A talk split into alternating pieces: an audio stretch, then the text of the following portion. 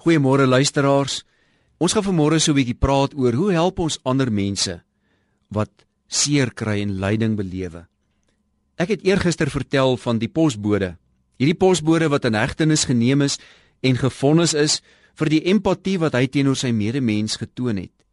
Die arme posbode kon dit mos nooit regkry om briewe af te lewer wat pyn in 'n huis sou veroorsaak nie.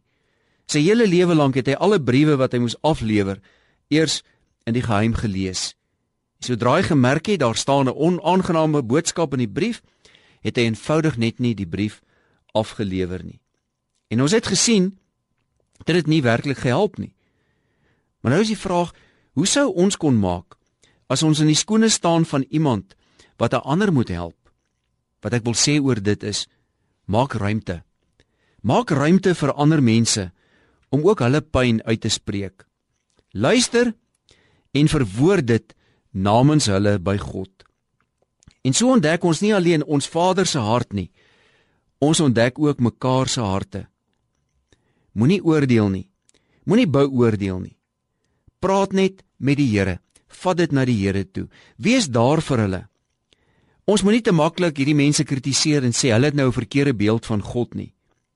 Ons maak dit dikwels nog erger vir hulle deur hierdie bykomende las of skuldgevoel op hulle te laai.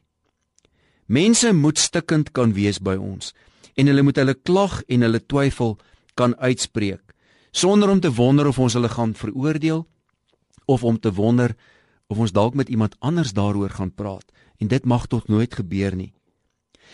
As mense met ons lelik is, as mense ons verlaat, voel ons ook soms of die Here ons verlaat het. Die teendeel is egter waar. As ons daar is vir ander mense in liefde, dan ervaar hulle dat die Here ook daar is vir hulle. Moenie soos die posbode die waarheid probeer wegsteek of maak of dit nie so erg is nie.